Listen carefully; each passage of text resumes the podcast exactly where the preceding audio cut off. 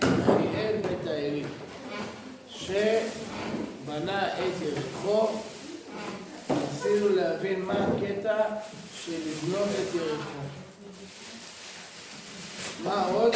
שמה התוצאה של זה שהוא בונה את יריחו, זוכרות? מה התוצאה של זה שהוא בונה את יריחו? הבנים שלו אחד אחרי השני הולכים ומתים, בדיוק כמו השבועה שנשבע, וואי, תודה רבה רבה. האמת שאם יש גם אה, קפה וזה, שאני... לא, לא, שלי. אה, אם, אה, כמו שיהושע נשבע, בבכורו ייסדנה, בצעירו יציב דלתיה, לשבעה מגיעים שני אנשים שלוו אותנו בעצם כל הפרקים. שני אנשים יפה מאוד, אה, שני אנשים גדולים מאוד בעוצמתם, אחאב בכוחו, ברשעו, באישיותו, אליהו הנביא, אין צורך להוסיף, והם נפגשים בשבעה, שם מתרחש הוויכוח הגדול, האם התקיימה קללתו של יהושע או שלא. אומר אחאב, אני מאז שהתחתנתי עם איזבלה, עם איזבל, נכון? מאז שהתחתנתי איתה והכנסתי לפה את התרבות של המערב, התרבות של הפיליקים שהגיעו מעבר לים, מאז שהכנסתי פה את התרבות המערבית עם כל הערכים שלה, המדינה הזאתי, שימו לב, רק זוכה לשפע כלכלי שאין כדוגמתו. אנחנו כולנו התחלנו להשתחוות לבעל, לאלוהים של צידון, אלוהי הגשם והפריון, לא, לא, נכון. מאוד, אלוהי הגשם והפריון שהוא אלוהי צידון, כי ראינו שאיזבל היא הבת של את בעל צידונים, ומאז שהתחלנו לעבוד בתרבות הצידונית הזאת וללכת בדרכיה, יש גשם בלי סוף. אני אעצור רגע אחד פה, אה, אני אעצור רגע אחד פה, ואני אסביר עוד פעם שגשם זה גשם, אבל גשם זה לא רק גשם, כמו שרמזתי גם בשעתו, גשם זה גשמיות. זאת אומרת, הגשם זה השפע החומרי. כי ברגע שיורד עליך גשם של דולרים, אתה יכול להיות מאוד עשיר. מבינים מה אני מתכוון? אבל בסופו של דבר גשם זה תמיד סמל לשפע חומרי. מבינים? לכן אומר, כשאחר בא ואומר, מאז שהתחלנו לעבוד את הבעל, אלוהי הפריון, מה זה פריון? מה זה פרי? מבינים? פירות אני שותה לעץ, והוא נותן לי, נכון? גם היום אתה שם בבנק חיסכון, אם אפשר שם להפסיק. אתה שם בבנק חיסכון, והקרן שלך נותנת אחרי זה מה? פירות, מבינים? אני שם חיסכון לבנק ואחרי זה אני אקבל על זה פירות. מה זאת אומרת? יפה, אני שם 100 שקל ואני אקבל אחרי זה 150 או 120. זה נקרא שפע כלכלי. בסדר? עכשיו אותו דבר אומר רחב, מאז שהתחלנו לעבוד את הבעל, לא מפסיק הגשם לרדת, אקזיטים בסוף, שפע כלכלי. כשאנחנו אימצנו את הערכים של התרבות הפיניקית, של התרבות הצידונית, של התרבות המערבית, אנחנו רואים שזה, בלשוננו, עובד, זה מצליח. אנחנו משתלבים בעולם, העולם רואה אותנו כחלק ממנו, וכתוצאה מזה יש הרבה מאוד שפע כלכלי. אם אתם תעצרו את ה... אה, איך להגיד, את הערכים האלה, תעצרו את ההשתלבות שלנו בעולם הרחב, ותעצרו את השליטה של עולם הערכים האלה עלינו, זה יפגע בשפע הכלכלי. מכירים טענות כאלה? לא שמעתם לאחרונה. בכל אופן, אומר אחר, אנחנו לומדים תנ"ך, אנחנו לומדים דבר השם, הוא מדבר אלינו כל הזמן. השאלה אם מישהו רוצה לשמוע. מי שרוצה לשמוע, אז בא ללמוד את דבר השם. ושומע את מה שאומר אחריו, מאז שהתחלנו לעבוד תרבות הבעל. מה זה גשם, שפע כלכלי, תראו לאיזה הישגים הבאתי את המדינה הזאת. אה,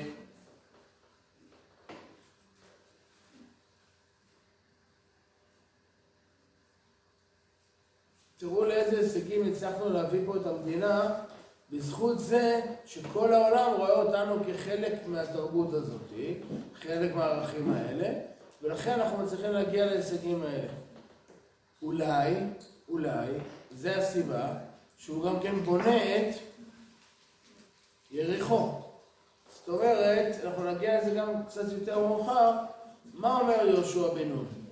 בגלל הקדוש ברוך הוא, בגלל הנס השם עשה לנו, אני מחליט מה לעשות. אני מתנצל, אני לא יכול להמשיך. אני מבין שזה נורא חשוב, אבל לא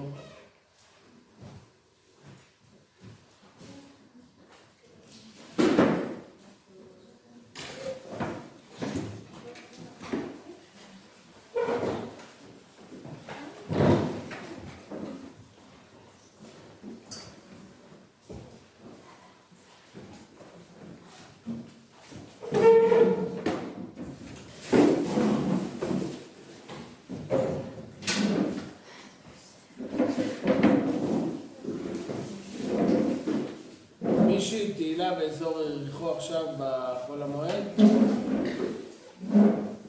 מה? מי תהילה? אף אחד לא תהילה? מה זה? ירושלים. אה, בכל אופן, מי שהייתה באזור הבקעה בחול המועד ראתה איזה פריחה עדיין יש דרך להגדיר את זה, בגלל שהגשם מאוד איחר השנה, זה מאוד העריך את הפריחה. אבל, אה, אז גם יריחו עכשיו פורחת, אבל גם בלי קשר לזה, כל האזור של יריחו, מי שמכירה, זה אזור שופע בתמרים, מים, לא יודע אם אתם יודעים, אבל ברשות הפלסטינאית יריחו נחשבת לעיר אה, עיר נופש, עיר קיץ, כל העשירים מחזיקים שם כזה אה, בתי אה, נופש וזה, יריחו כזה זה ה... אני לא יודע איך להסביר את זה, אבל זה כזה... מה? כן, משהו כזה, כן. בתכלס, א', בחורף שם כל הזמן חם ונעים. סתם בתור דוגמה, ביריחו עצמה לדעתי, כשהייתי שם, ב... אנחנו נטייל שם, נכנסנו לתוך הבתי כנסת, יש כניסות שהצבא נותן לבתי הכנסת העתיקים ביריחו, אבל בעיר עצמה יש לדעתי לפחות, לא זוכר אם זה היה שתיים או שלוש פארקי מים, אלה ענקיים. זה עיר כזה נופש ושעשועים, למה עיר יפהפייה, כולה ירוקה, בוסתנים וזה? כי ביריחו יש שפע של מעיינות. מי שזוכרת, זה גם היה נס שאלישע עשה, שהוא העתיק את המים של המעיין שלה. אבל יריחו מלאה במים. ממש ככה, וכזה, היא יושבת בתוך שטח כזה מאוד מישורי, הכל מלא עצים, מעיינות, ממש ככה... מה זה? עם אה, כניסות של הצבא. אי אפשר להיכנס לבד, אבל הצבא בחגים או כל מיני דברים מלווה כניסות. מאוד חשוב. לבקר שם, מאוד מאוד חשוב, להילחם על יריחו. בכל אופן, אז אה, בא אולי יחיאל, סלש אחאב, ואומר, מה זאת אומרת, יש פה בארץ ישראל מקום מדהים, מקום יפהפה, ומה בא ויהושע בן נון אמר? בשם התורה והמצוות, אני הופך את המקום הזה למה? שממה. אומר האחר, מה זה הדבר הזה? יש? אה, אז אני אשמח לקבל וגם תודה רבה. נראה לי שיש עוד זמן. תודה.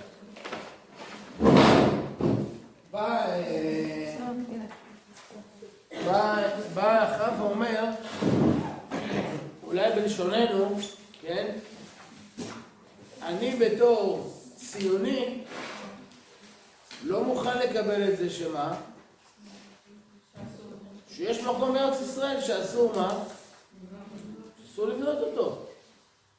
זאת אומרת, הייתי אומר באיזשהו מקום, ואני אנסה להוכיח את זה בהמשך, בשם קנאותי לארץ ישראל ולבניינה וליישובה, זאת אומרת, בעצם היותי ציוני מסור, כן? אני לא אפסיק לפתח את ארץ ישראל בגלל מה? בגלל התורה והמצוות.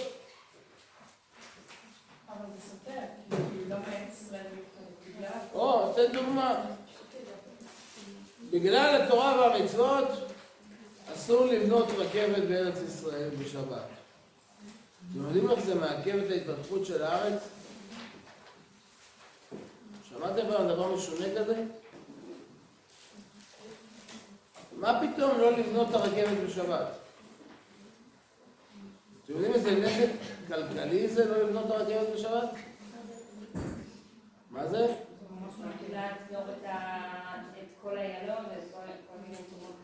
שמעתם פעם את הנימוקים? לאלה שמתנגדים, זה אלה שדורשים שיבנו את הרכבת בשבת? רכבות זה מכשיר מאוד מאוד מרכזי וחשוב היום בפיתוח של מדינת ישראל. מודעים לזה? למשל, אם לאריאל הייתה רכבת, תסכימו איתי שהייתה היום פי שלוש בגודל? מה זה? תסכים איתי, נכון? אם לאיתמר הייתה רכבת, הייתה פי שלוש בגודל היום? כן, זאת אומרת, היום, אמר לי פעם זצ"ל, הוא אמר לי את זה לפני עשרים שנה, ואני לא הבנתי כמה הוא רואה, אבל הוא אמר לי, יישוב ארץ ישראל היום זה רכבות. כל מקום שיהיה אליו רכבת, היישוב ארץ ישראל שלו יעוף. הייתי צעיר, לא הבנתי כמה הוא צודק, היום אני מבין כמה, כל מקום שיש רכבת, מה קורה? אף. יישובים שקרובים לכביש מספר 6, מתרוממים באוויר, נכון? מי שהכיר למשל דוגמה, קריית גת, לפני כביש מספר 6, ואחרי כביש מספר 6. מכירות קצת? יש פה בנו שמכירות? מה? מטורף, קריית גת לא מפסיקים לבנות אותה היום, למה? מה? לא, אתה לא מכירה את קריית לפני כביש 6. זה... קריית גת לפני כביש 6 הייתה... אני יודעת שהיא גדלה. מה זה גדלה? הכפילה את עצמה לדעתי ביותר. ולא מצליחים לבנות אותה. למה? מה? אפשר עוד כל הצפון, את נהריה, בדיוק. עכו, את כל האלה שבזכות הרכבת. בדיוק למשל. חריש למשל, עפה בגלל כביש מספר 6. חריש זה אירוע שקשה לתת ולא יודע אם יש פה מנות שמכירות, זה אירוע שהוא בלתי נתפס. עיר שקמה מכלום, יש לי חבר שאחראי שם על מערכת החינוך, דרגה מי שמחפש את העבודה היסטרי, זה עיר שקמה משום דבר, כן? כל שנה הוא בונה שם, הוא צריך לבנות כל שנה, אני חושב בין 4 ל-5 בתי ספר חדשים. כי זה עיר של זוגות צעירים, זה מטורף לא, הוא לא מצליח לעמוד בקצב של הזה, זה מטורף. הוא עובד יום ולילה. כל שנה נפתחים שם איזה 30-40 כיתות א', זה משהו משוגע. זה שכונות שלמות שמתיישבות בבת אחת, הכל זה זוגות צעירים וזה, אי אפשר לעמוד בזה. זאת אומרת, מקומות שמבחינת אה, נגישותית, גם אתם, הרבה מאוד החלטות אתם מקבלות, לפי הנגישות, מסכימים איתי? זאת אומרת, כמו שאמרתי מקודם, ציונות היום זה לעשות את הרכבת הקלה. כי אם יהיה הרכבת הקלה, אז אנשים יוכלו להתנהל, בלי זה אין, נכון? רכבת ירושלים תל אביב, נכון? שיטת כללי המשחק, בסדר? היום אנשים גרים בדרום, גרים בשדרות, גרים בזה, עובדים בתל אביב, למה? אתה יכול לגור בשדרות, ותוך 40 אה, דקות אתה בתל אביב. אז זה מאפשר היום להפריח את הארץ, לא כולם צריכים להתרכז על תל אביב, ישראל יכולה להתיישב, מבינים? אומרת, מה מאפשר היום לשדרות לצמוח? הרכבת, שמאפשרת להמשיך לעבוד בתל אביב ולגור בשדרות בתנאים הרבה יותר נוחים. אז מי שמסתכל על זה מבין שבא אדם ואומר, אם בונים את הרכבת ביום חול, צריך לחסום את כל איילון, לעצור את התנועה, לתקוע את המדינה, אנשים נתקעים, כלכלית, זה הכל נזקים שאין כדוגמתם, כן? הכי הגיוני זה מתי לבנות את הרכבת? בשבת. זה הגיוני מאוד, לא? בשם הציונות, מה? גם בשבת יש שם תנועה אינסופית. בקושי, אין מה להשוות. ממש אין מה להשוות. זאת אומרת, שישי שבת, נפח התנועה יורד ב-80%. אה, וגם זה לא נזק כלכלי, כי גם מי שנגיד אם אדם יימנע בשבת, נגיד לנסוע באיילון, זה לטיול. כשאדם יימנע לנסוע באיילון ביום רביעי, זה מה? אז אתה, לא, אז אתה פוגע בכלכלה, אתה גורם לציונות נזק ממשי. אני רוצה לומר, בסופו של דבר, נורא קל להסתכל על אחאב. אני כל הזמן אומר, ככה, רק בעזרת השם, אני יודע, זו התפיסה שלי. רק ככה תלמדו תנ"ך, רק ככה תלמדו תנ"ך. זאת אומרת, אם מישהו קורא את זה, אומר, אה, אחאב הבעל, בטח זה לא מעניין את הילדים, בטח זה לא מעניין אתכם. אבל אם אני קורא את זה, אומר, אוקיי, רק בואו נעביר מה הבעל שטוען, כן? בואו ננסה להבין כאילו מה אחאב ואליהו, על מה הם מתווכחים, נבין שיש פה בעצם ויכוח במירכאות על הציונות. יש פה ויכוח בעצם על בניין הארץ. אומר חיאל, מה זאת אומרת? יש פה מקום, נקרא יריחו, בא יהושע בשם הדת ומטיל קללה שאסור לבנות. מה זה הדבר הזה? למה לא לבנות עיר בארץ ישראל? אני ציוני. אה, הבן שלי מת? לא עלינו. אני ציוני. הבן השני שלי מת? אני ציוני. אבל יש פה אידיאולוגיה. יש פה מוכנות למה? להקרבה. מכירים את זה קצת בשבועות האחרונים?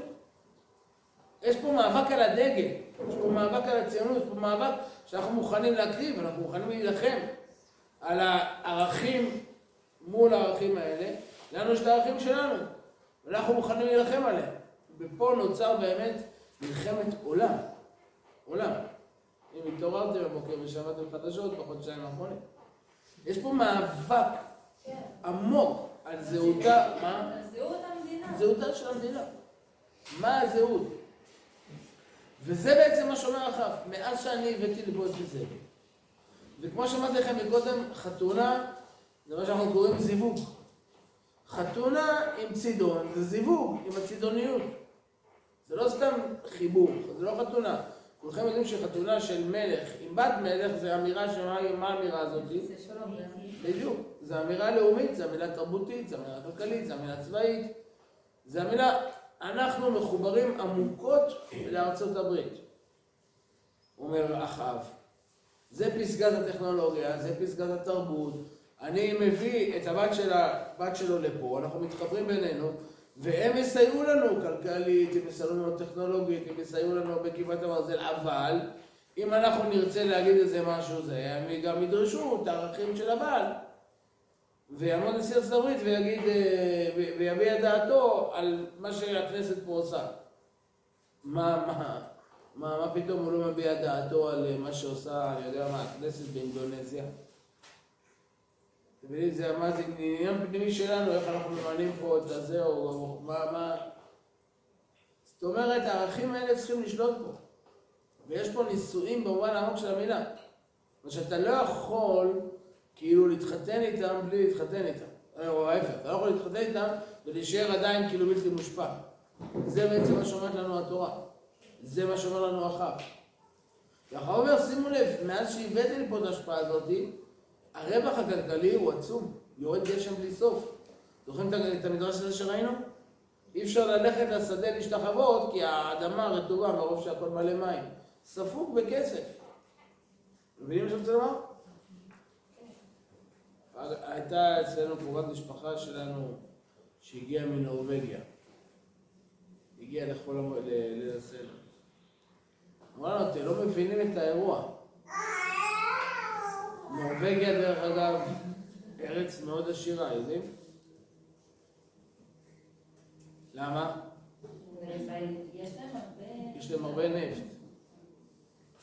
הזוי. מדינה מאוד קטנה, בתושבים, עם שטח השטח הכי גדול בעולם ביחס למספר תושבים, והמון נפט. כאילו, אז הם עסוקים כל היום בהסכמי אוסלו.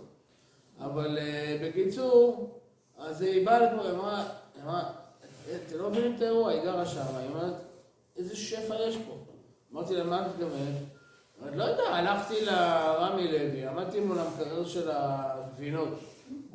לא ידעתי איך לבחור, כאילו. כל סוג של גבינה היה איזה חמישה סוגים. כל uh, תחום, כאילו. גבינה חמש אחוז, כמה סוגים אתם מכירים? היא אמרה, יוגורטים, לא ידעתי בכלל מה, מאיפה להתחיל. זאת אומרת, אצלנו בנורבגיה אין את הדבר הזה. אנחנו יהודה, פירות וירקות, בכלל אין מה לדבר. אין לכם משהו שאין לכם פה, כאילו, גם אנחנו יהודה, אין פריט שאין לו פה. בשפע מטורף ובאיכות אה, סוף הדרך, לא בטעם של ניילון. כאילו, יורד החיים פה בשפע. אמרה, מערכת הבריאות פה. היא אמרה, התינוקת שלה לקבוע תור לרופא ילדים זה ארבע חודשים המתנה. תחשבו שאתם, יש פה בנות שהולכות לרופא ילדים, הן מחכות בתור חצי שעה, מתחילות להתעצבן. היא ארבע חודשים המתנה לראות רופא ילדים. כאילו. אה, כי יש, אה, צריך לקבוע תור מראש, וזה, אה, בשביל לראות רופא ילדים. דברים חיים פה בשפע שאין כדוגמתו. אז אפשר לבוא ולהגיד, במבט אחד, במבט אל, אליהורי, אפשר לבוא ולהגיד, השפע הזה ממה הוא בא? מהשכנה שפה, מארץ ישראל, מהקדושה שפה. אפשר לבוא ולהגיד, השפע הזה ממה הוא בא? מהאקזיטים, מההייטק, הייטקיסטים, אני יודע מה, הכלכלנים, המשפטנים, הטייסים, מה? לא? או, שאלה מאוד מסובכת. זאת אומרת, אני אומר עוד פעם, אם תקראו את הפרקים האלה, תגידו, הוויכוח היה על הבעל, היום אין בעל, התנ"ך הזה מיותר. אומרת, ככה בטח פלא שילדים לא מבינים אותו לך, אבל אם אני לומד את זה, ואני אומר לעצמי, כאילו אני קם היום בבוקר, האם השאלה שאני צריך היום להתמודד מולה היא שונה ממה שאליהו הנביא התמודד מולו? כנראה שלא. אז אני הולך ללמוד עכשיו אליהו הנביא.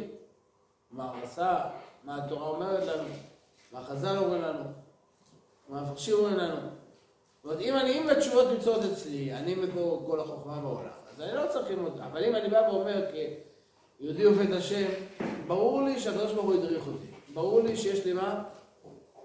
נבואה שצריכה לדורות, נכתבה. יש, הקדוש ברוך הוא הניח לי פרנסה לכל הדורות, רוחנית, לדעת מה לעשות, לדעת להבין דבר השם, לדעת להבין... אז אני מסתכל על דברים האלה אומר, רק תתרגם את זה למושגים של היום, זה אותו דבר. כמו שאמרתי שגשם זה לא גשם, זה גשמיות, במובן העמוק של המילה, נכון? זאת אומרת שהתורה באה אומרת, אם תעבדו את השם, יהיה לכם גשם, רוצה להגיד אם תעבדו את השם, יהיה לכם מה? פרנסה. הראיה שכשאתם מתפללות על פרנסה, באיזה ברכה אתם מתפללות ב-18? ברך עלינו בשנה הזאת, כל מיני תבואות על דבר. הכוונה, ברכה בתבואה זה לא רק תבואה במובן הגשמי, אלא תבואה, כמו שאתם רואים היום, זה כל, כל, כל העניין הכלכלי. כשתתפלל פרנסה, הולכים לברך עלינו. כי זה, זה הכל מילות קוד שמכילות בתוכן לא את המשמעות הפיזית של הדברים, את המשמעות הרוחנית של המושג. המשמעות הרוחנית של גשם זה השפע שהשם נותן כדי להפריח את המציאות הכלכלית, את המציאות של הברכה והפרנסה. מבינים? כשאני אומר להוציא לחם מן האדמה, זה יכול להיות לקצור חיטים, אבל זה יכול להיות בהחלט, כשאדם אומר, אני הלכתי לעבודה להביא לחם הביתה, הוא הלך לעבוד בבנק. מה, הוא הביא אחרי זה מהבנק פרוסת לחם? לא, הוא הביא לכם אה, אה, משכורת סוף החודש, זה נקרא להביא לחם הביתה, כי לחם, הכוונה למה? באמת, מזון, מה שמזין, מה שמפרנס, מה שמאפשר אדם לחיות. מבינים מה שאני רוצה לומר? אז כשאנחנו מבינים שזה הסוגיה, אז ככה מסתכלים על הדברים, אנחנו בעצם מבינים שיש פה ויכוח מאוד מאוד עמוק. אומר לך בבקשה, הדרך שלי הצליחה. הוכחה, הדרך שלי הצליחה. תראו אותנו בפועל היום. תודה רבה מאוד, ממש. אה, הכל טוב, תודה רבה. ממש, ברוך אתה, אדוני, אלוהים למלך העולם שהכל נהיה לו. אומר, אה, אומר אליהו הנביא, והראיה, שהקללה של משה רבנו לא לו, אמר לא תעבדו את השם, לא לכם שפע. הנה, אנחנו מדינה חילונית, אנחנו מדינה בעלית, לא יודע איך תקראו לזה, כן? והראיה שמה? הולך לנו בגדול. ולא, מה תגיד, בגלל, אה, תגיד שזה בגלל התורה? הנה, אנחנו הפסקנו לעבוד תורה ומצוות. אנשים שלא עובדים תורה ומצוות, הם מצליחים כלכלית הכי הרבה. לא ראיה? אתם חושבים שזו לא שאלה שמטרידה ילד בגיל 15 היום? למה אנשים שלא הולכים דרך תורה ומצוות חווים הצלחה כלכלית נורא גדולה? למה אפשר לא לשמור תורה ומצוות ולעשות אקזיט של 20 מיליון דולר ולא יצטרך לעבוד כל החיים? יש פה שאלה, אתם יודעים? גדול. אומר אליהו הנביא, אז בואו נבדוק את זה. מעכשיו לא יהיה טל ומטר, כי אם מה? לפי דברים. אז באמת לא היה הייטק, זה היה טל ומטר, היום תקראו לזה איך שתקראו. אבל זה בעצם מה שאומר אליהו הנביא. אז בואו נבדוק את זה בפועל. התפלל הקדוש ברוך הוא, לקח את המפתח של הגשם, של הגשמיות, ומה עשה? נעל והלך. זוכרים את הגמרא? משל למה? לאדם שנעל את הדלת וזרק את המפתח לים. עכשיו לכו תפתחו. אליהו נעל והלך. אף אחד לא מוצא את המפתח. איפה זה עם, ה... איפה זה עם המפתח? מכירים את זה? כולם עומדים בחוץ, מתי יגיע רואים המפתח. אחר מתחיל לחפש את אליהו, איפה? בכל הארץ. לא מוצא אותו. כי איפה אליהו נמצא? מתחבא איפה? בצרפת. בהתחלה? בהתחלה איפה הוא מתחבא? מהלך עם הערובים. שלב שני איפה הוא מתחבא? צרפת. אה, וזה לא פריז, כן? צרפת שהיא נמצאת בגבול צידון, זוכרים את זה? בקצה שלה. לא. בהתחלה הוא בנחל עם העורבים שמביאים לו אוכל, זוכרים את זה? שהגמרא שאלה מאיפה מביאים לו אוכל, היה שם שתי דעות, זוכרות? או מהמלך אחאב או מהמלך יהושפט. מי זה המלך יהושפט דרך אגב? מלך יהודה, בסוגריים, מלך צדיק יסוד עולם. יהושפט היה צדיק מאוד גדול. ואחאב היה ההפך מאוד גדול. והגמרא דנה האם האוכל של, ה... של אליהו הנביא מגיע מהשולחן של אחאב או מהשולחן של יהושפט. כבר אז שאלנו, ואולי נענה על זה או היום בשבוע הבא, אם זה, מהאוכל, אם זה מהשולחן של אחאב, איך אליהו יכול מה? לאכול את זה, איך זה כשר בכלל? כן.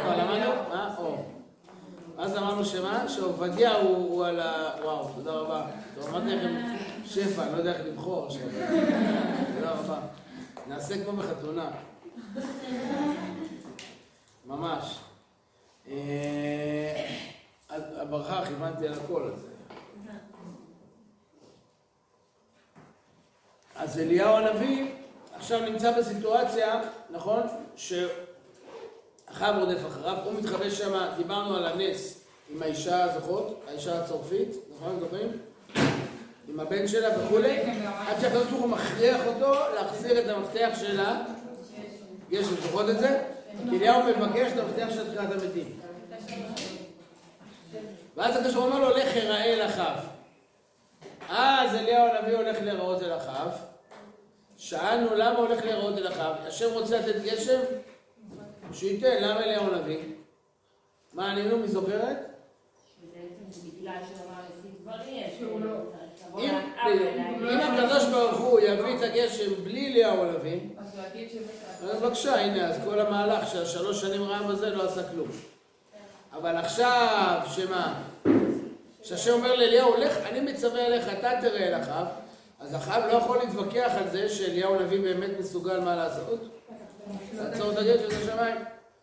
אז הם הולכים להיפגש, דיברנו על הסיטואציה הזאת, שהם הולכים להיפגש מה הולך לקרות, ואז הגענו לנקודה שמה? שאחאב פוגש את אליהו הנביא, והוא אומר לו, האתה זה, עובדיה, לא.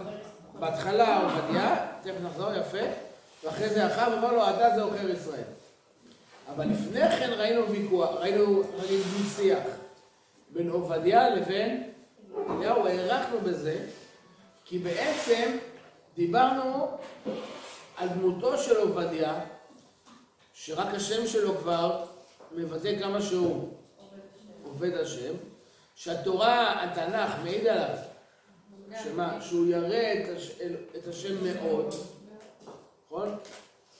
שזה ביטוי מופלא להגיד אדם שהוא ירא את השם מאוד, זה ביטוי יחידאי. אה, בסוגריים, נקודה עמוקה, כי זה לא סתם כי יראה זה בחינה של, נכון? אהבה זה בחינה של בן, ויראה זה בחינה של עבד, נכון? אז אם קוראים לו עובדיה, הוא ירא את השם מאוד, זה בחינה של עבד השם. אתם מבינים? אבל זה...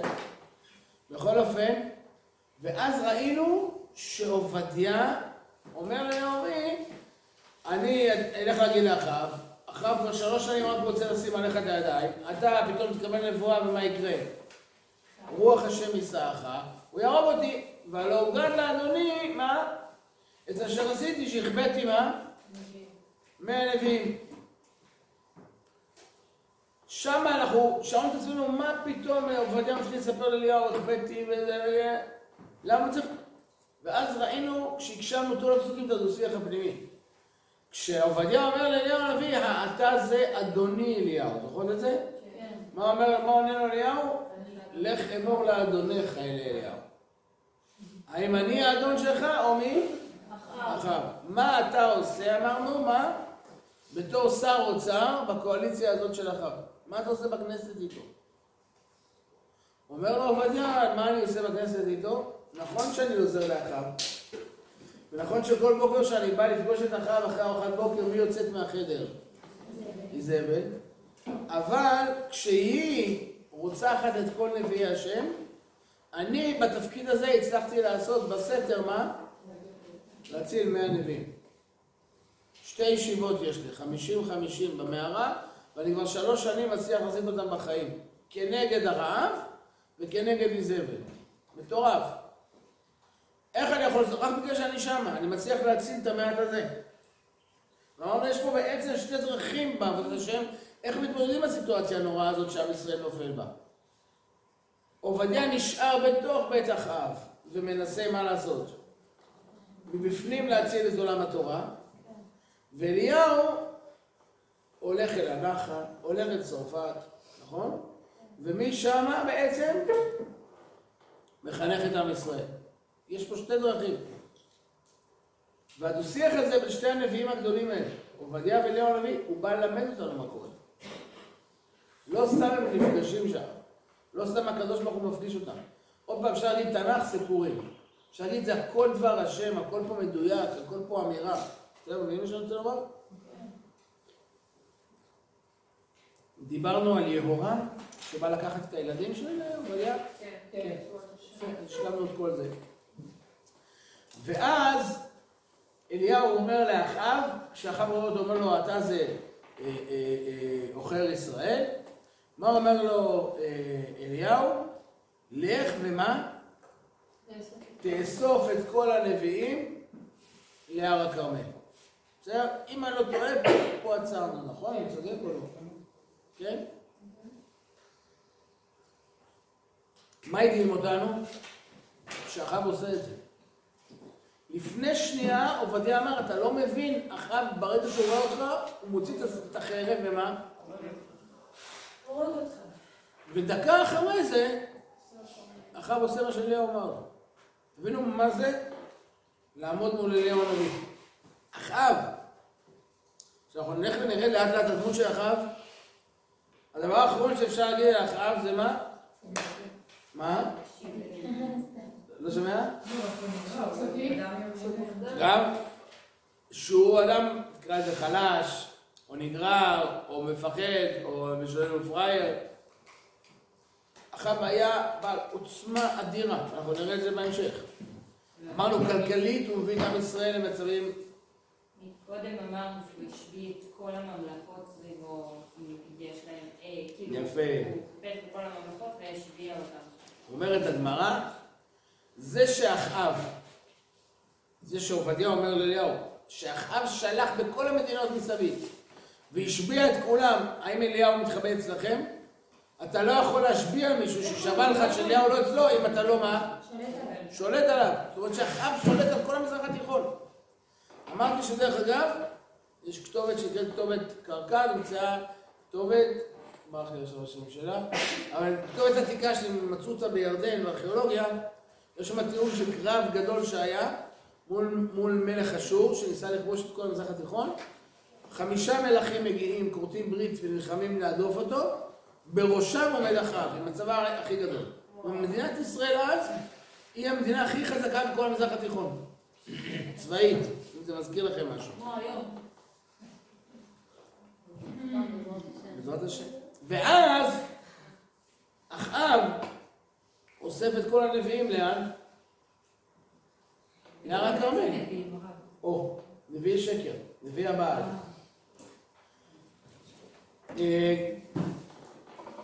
אה, אה, של השם אחאב, ונראה את זה בגמרא.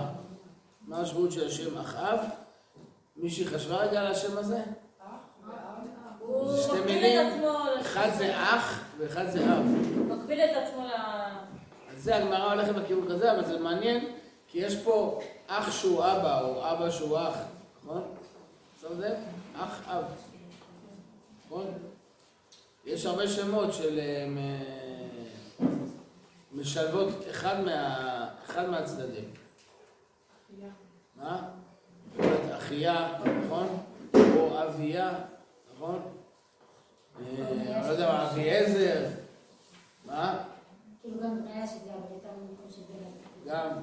אז יש הרבה שמות שמשתמשים בשמות, אה, כינויי משפחה ביחד עם, מבינים? אבל הוא קוראים לו אח אב. דיברנו גם על אליהו, מה שזה גם כן. מה? לא שומע? גם אח וגם אב נשמע ממש חיובי. חיובי. חיובי, כן, לכאורה. טוב, אה, אני עכשיו, אנחנו עכשיו בפסוק י"ט, פרק י"ח, פסוק י"ט, ואתה שלח, קבוץ אליי את כל, את כל ישראל, אל הר הכרמל, ואת נביאי הבעל 450, ונביאי האשרה 400 אוכלי שולחן איזבל. זהו, כולם רואות את זה? מי שמה לב? יש פה שתי סוגים של נביאים. הבעל כמה הם? לא כתוב. כתוב. בית נביא. אה, 450. האשרה כמה הם? בסוגריים, אם אתם זוכרות, דיברתי על זה אז, הזכרתי במילה אחת, הבעל זה הצד הזכרי. האשרה זה המקבילה של הבעל בצד הנקבי. מבינים? עכשיו זה מאוד מעניין, שפה כתוב תביא את נביאי הבעל ותביא את נביאי האשרה אוכלי שולחן איזבל. זאת אומרת, מה את אומרת? אה. כן. פה זה שעון אחד שעובד. אה, זה עובד?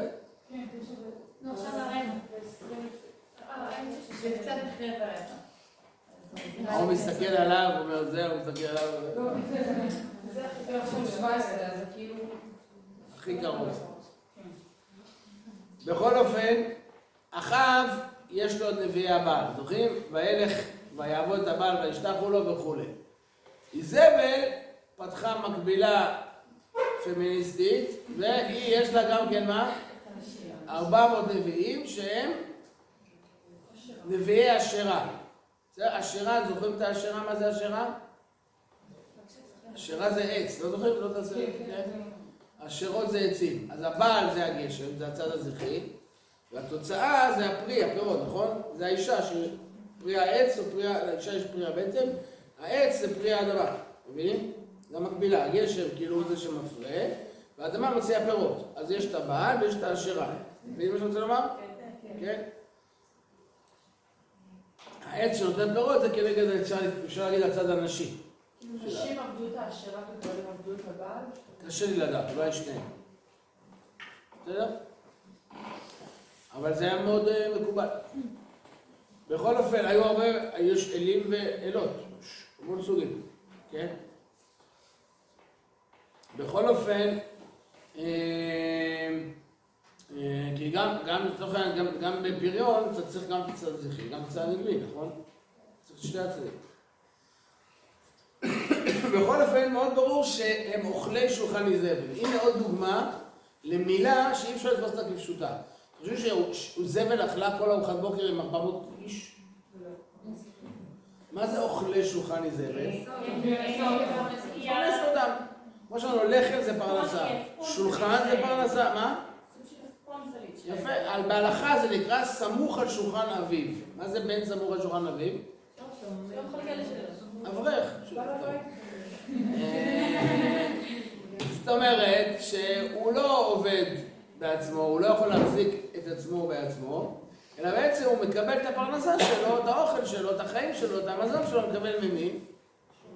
מאבא שלו, לכן זה כבר סמוך לשולחן אביו. זאת אומרת, מה זה סמוך? הוא כל הזמן נשען על השולחן? הכוונה שמה? השולחן זה המשענת, זה מה שמחזיק אותו, מחזק אותו, משענת, להחזיק, מבינים?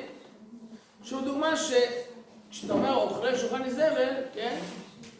או מי שיודע, גם בתנ"ך וכמה קורות, גם דוד המלך, נכון?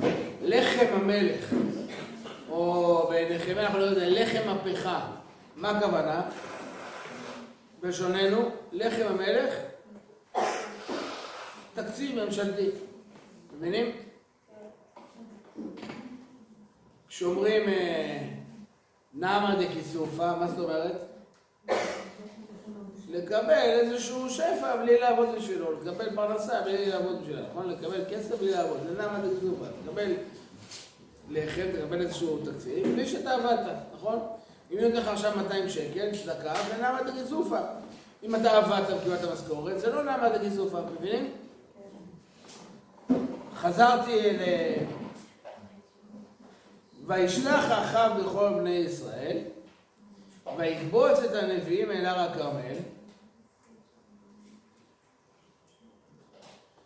ויגש אליהו אל כל העם, ויאמר, עד מתי אתם פוסחים על שני הסעיפים? אם השם הוא האלוקים, לכו אחריו.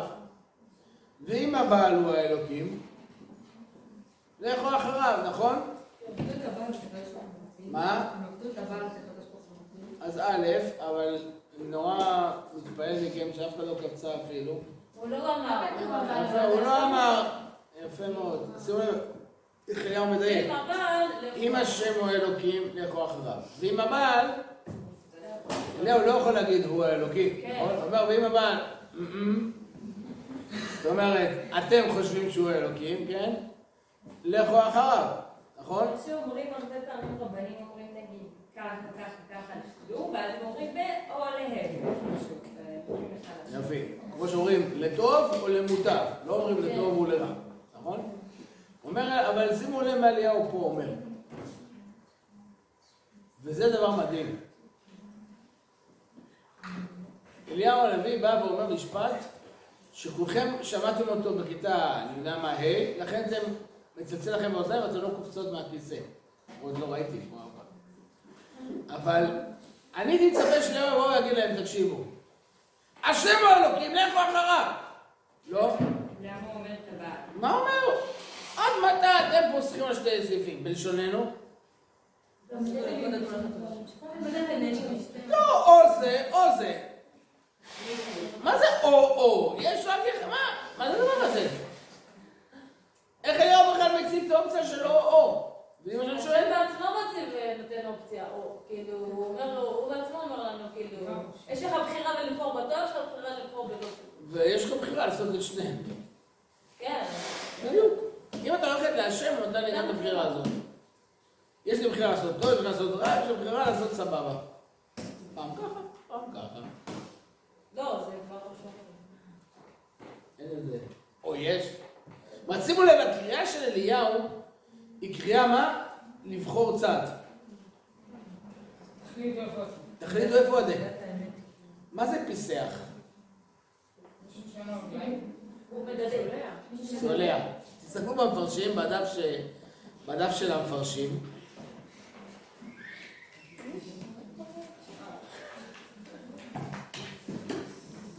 דבר ראשון, תראו מקור 12. בחור 12?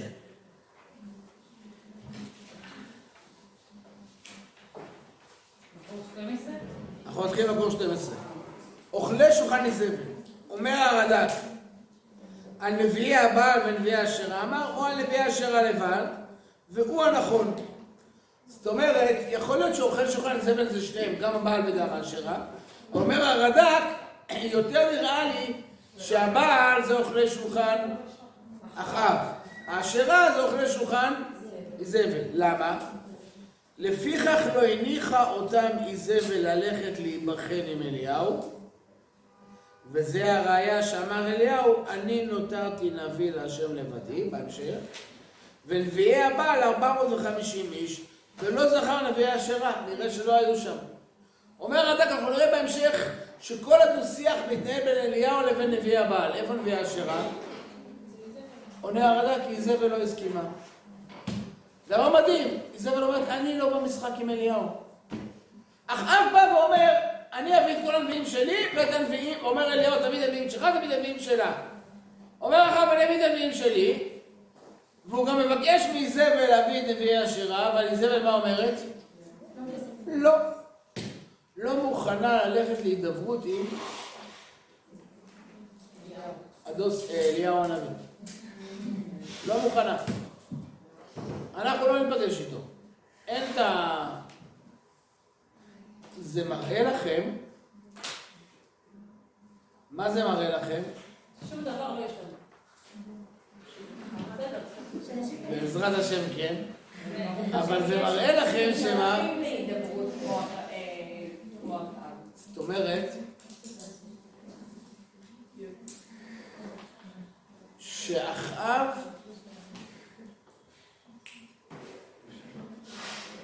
שאחאב מעוניין בהידברות הזאת. כן. שימו לב, אני אומר את זה לא בקטע של תחרות, אבל שיש יותר רשעים מאחאב. מי? שבכלל נביאי אשרה לא מגיעים לשם. מבין? מה? או, היא אפילו לא מוכנה להיות במשחק מול אליהו הנביא. מבינים? נקודה על מחשבה, אנחנו נראה אותה, אם שמים לזה פה, כמו הרד"ק, אנחנו נבין הרבה דברים בהמשך. אה, תראו במקור 13, גם צודות אומר את זה. כל ישראל באו מאליהם כאשר שייך אחריהם. אבל הנביאים לא באו עד אשר קימצם המלך שלא בטובתם. הנביאים לא התלהבו לבוא, נביא הבעל. אבל אחאב מה עשה? נתן להם מה? פקודה. לזה לא קיבץ עם נביאי הבעל ולא נביאי אשרה, כי איזבל לא הניחתם ללכת שמה, כי היו מוכלי שולחנה. את נביאי הבעל אחאב יכול להביא, אבל נביאי האשרה הוא לא יכול להביא, למה? איזבל לא מרשה. זה כבר מראה לכם מה הכוח של איזבל, אתם מבינים? נראה לכם שאחאב נותן פקודה ואיזבל מה מיישרת קו? מסתבר שמה? שמול המלך יש פה מלכה, מלכה. לא מלכה אשתו של המלך, אלא מה? יכולת מל, מלכותית, מבינים? הוא אומר ככה, היא אומרת מה? גם ושתי המלכה, מה. עשתה משתי נשים. מה זה גם? הוא עושה משתיהם, אה? עד מתי אתם פוסחים על שני הסעיפים? מה זה פיסח? אומר הרד"ק מקור 14. כמו הפיסח, שהוא פיסח בשתי רגליו. כי מי שפיסח רגלו אחת, נוטה לרגל אחת. פיסח זה צולע. אם אדם צולע ברגל אחת, נכון? אז השנייה. הנטייה בדיוק ברגל השנייה. מבינים? סליחה, אבל מישהו פוסח בשתי רגליו, אינו יודע באיזה רגל יעמוד. זאת אומרת, כשהוא צולע בשתי הרגליים, אז פעם אחת עומד על הרגל הזאת, נכון? אבל אז היא כואבת לו, אז מה הוא עושה? אז שנייה, ואז, מבינים? אומרת, אדם שפוסח על שני הסעיפים, יש לו בעצם צליעה כל הזמן. אדם שהוא פוסח, פוסח רק ברגל אחת, לפעמים הוא עומד יציב, לפעמים מה? מבינים? לכן נגיד אם הוא בא לעבור איזה מדרגה או משהו, הוא ישתמש ברגל החזקה, כי ברגל הזאת הוא יציב, מבינים? אבל אדם שבשתי הרגליים יש לו אולי פגם, אז כאילו הוא פוסח על שתי הספים, הוא תמיד, הוא מתנדנד לא רק שהוא, כשאדם צולל רגל אחד הוא מתנדנד בצד אחד. כשאדם זה אז הוא מתנדנד תמיד על שני הצדדים, כי שני הרגליים לא יציבות, מבינים? כן אתם פוסחים על שתי הסעיפים, והם מה? המחשבות. לפיכך אמר לשון נקבות, לפי שפירוש סעיפים מחשבות, שאין אתם יודעים לברור בדעתכם מי האלוהים. עם האלוהים, עם הבעל.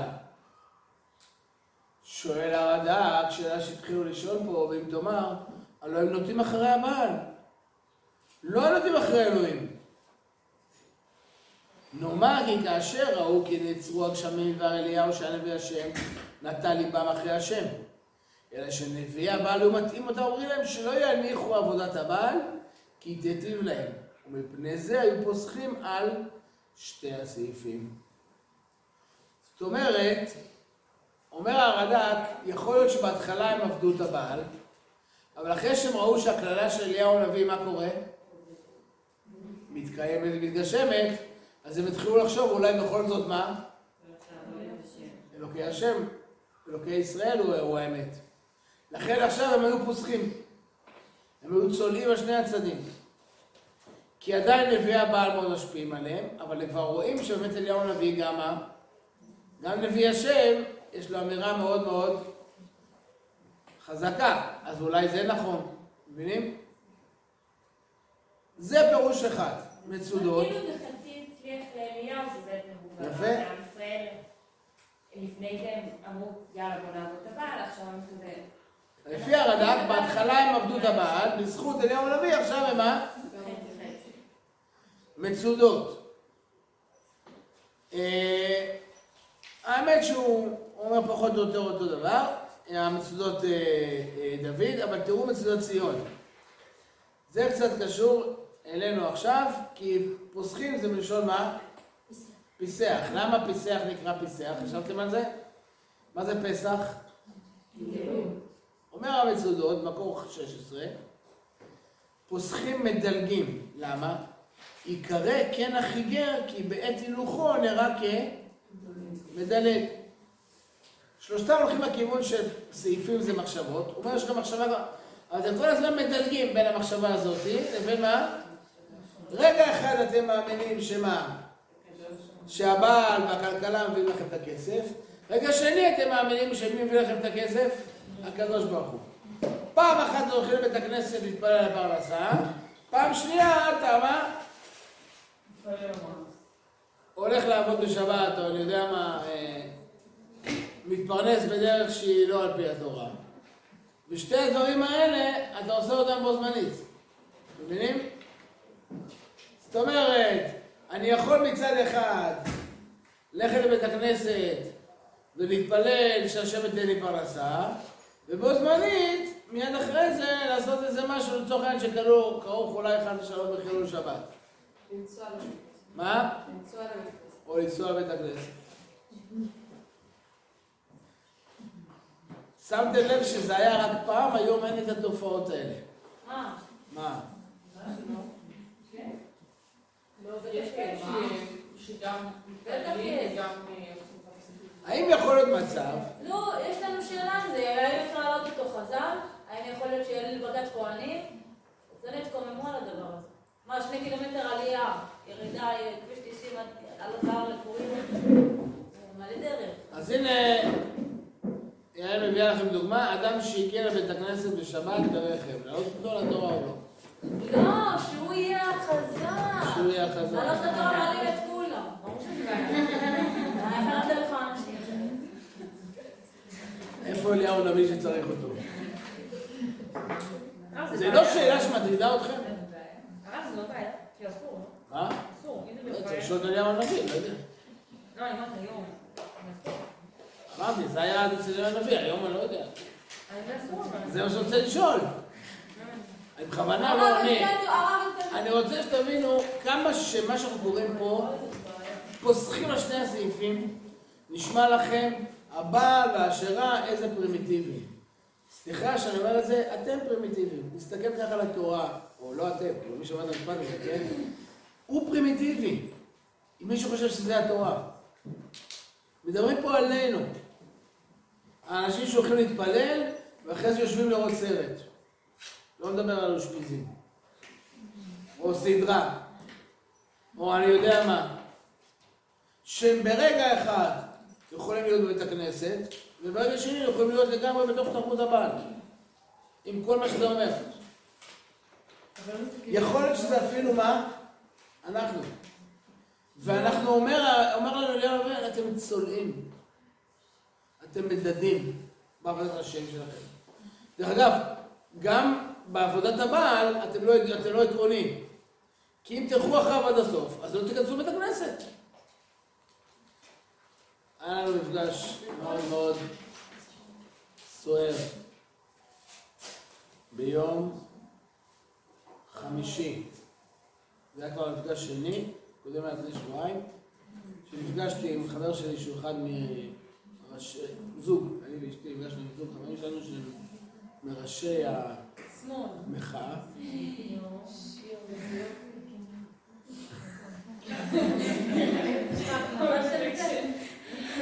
ההקלטה הייתה נגמרת, זה היה ארבע שעות, וזה היה, הראשון היה ארבע שעות סוער מאוד, ממש לא פשוט.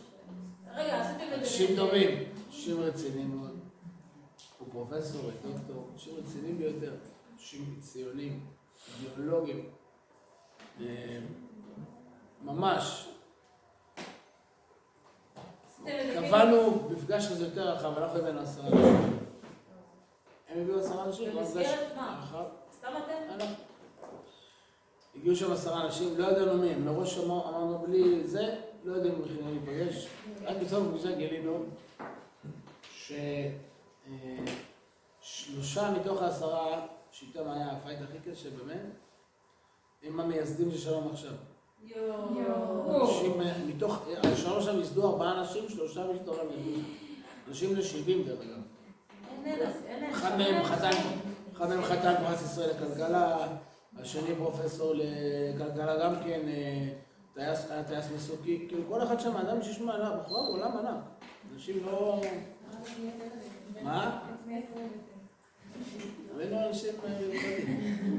אה, הרב אה, אוריאל איתן, אה, הרב מה- מהמדרשה, את הרב אסף סטבצניק ואשתו, הרב אוריאל ואשתו, לא. כמה אנשים אה, מאוד... אה, איפה זה היה? סתם, במודיעין. מודיעין. היה מאוד מאוד סוער, אנחנו צריכים לראות איך, אה, אבל זה היה, ישב שם יהודי בן 80, קיבוצניק, שומר הצעיר, אבא של אה, חבר שלי, שהוא היה עורך הסדר אה, השנה, כן? בקיבוץ, סדר של 500 איש, כן. עם ההגדה הקיבוצית. כן. שהסבירו לנו, היא בנויה על קטעים מקוריים מהאגדה, עם הרבה מאוד תוספות, הרקדות, המחזות, הופעות וכו' וכו', שמתאימים לימינו אלו. הערך הראשי, דרך אגב, ביהדות זה השוויון. זה הערך הכי גבוה שיש. זה היהדות בעצם, היהדות היא השוויון.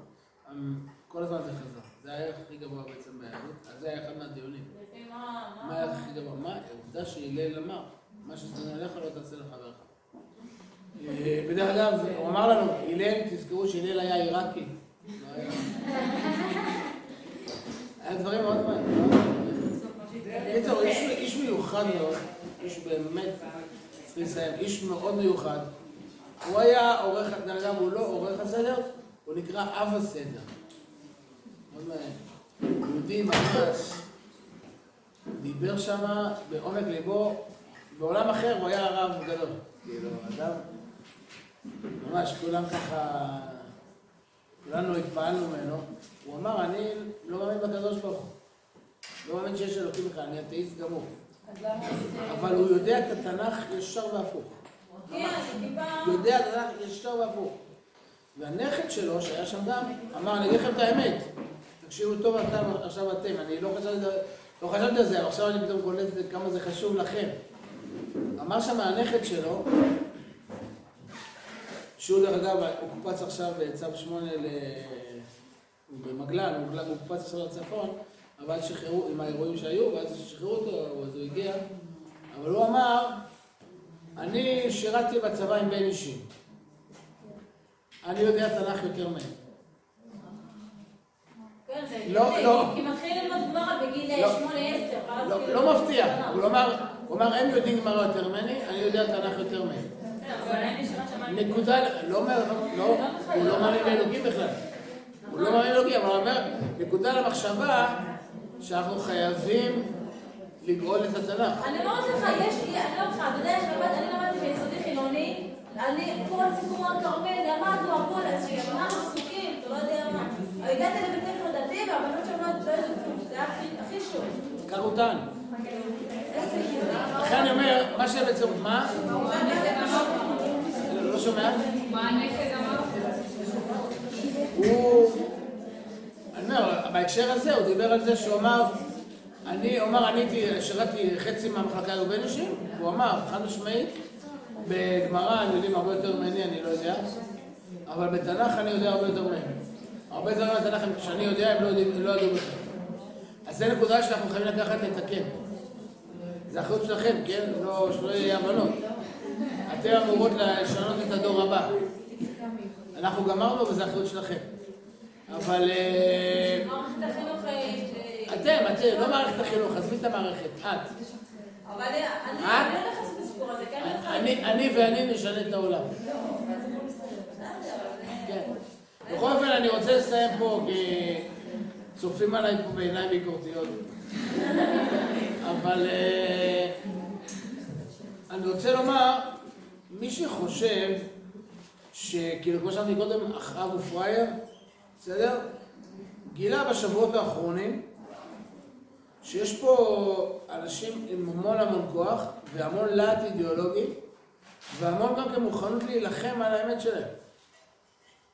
אנחנו חושבים שזה סכנת נפשות מה שקורה פה במובן הכי עמוק של המילה, כן? אבל צריך להבין שאנחנו חשבנו שהכל הולך, הולך בקלות, שאנחנו כבר זה, והנה כבר הגענו לממשלה, ואחרי זה בשנייה אחת הכל מסתדר וזה. מה קיבלנו? את הבומבה של החיים. ואנחנו, עוד, ואנחנו עדיין בתחילת האירוע, שלא יהיה הבנות. אנחנו בתחילת האירוע. והקדוש ברוך הוא בא ואמר לכם, אם אתם לא תילחמו על נפשו של עם ישראל, לקרב אותו לתורה ומצוות, זה לא ייפתר. חשבתי שהגעתם לשלטון, שתי חקיקות וסגרתם את הסיפור וממשיכים קדימה, התברר שאנחנו חזרנו אחורה 50 שנה עכשיו. והקדוש ברוך הוא בא ואומר, אתם לא תוכלו, לא תוכלו לשבת בבית, אתם צריכים לקום ולהילחם על ליבו ועל נפשו של עם ישראל. ומי שמבין, זה מה שאליהו הנביא אכפת לו.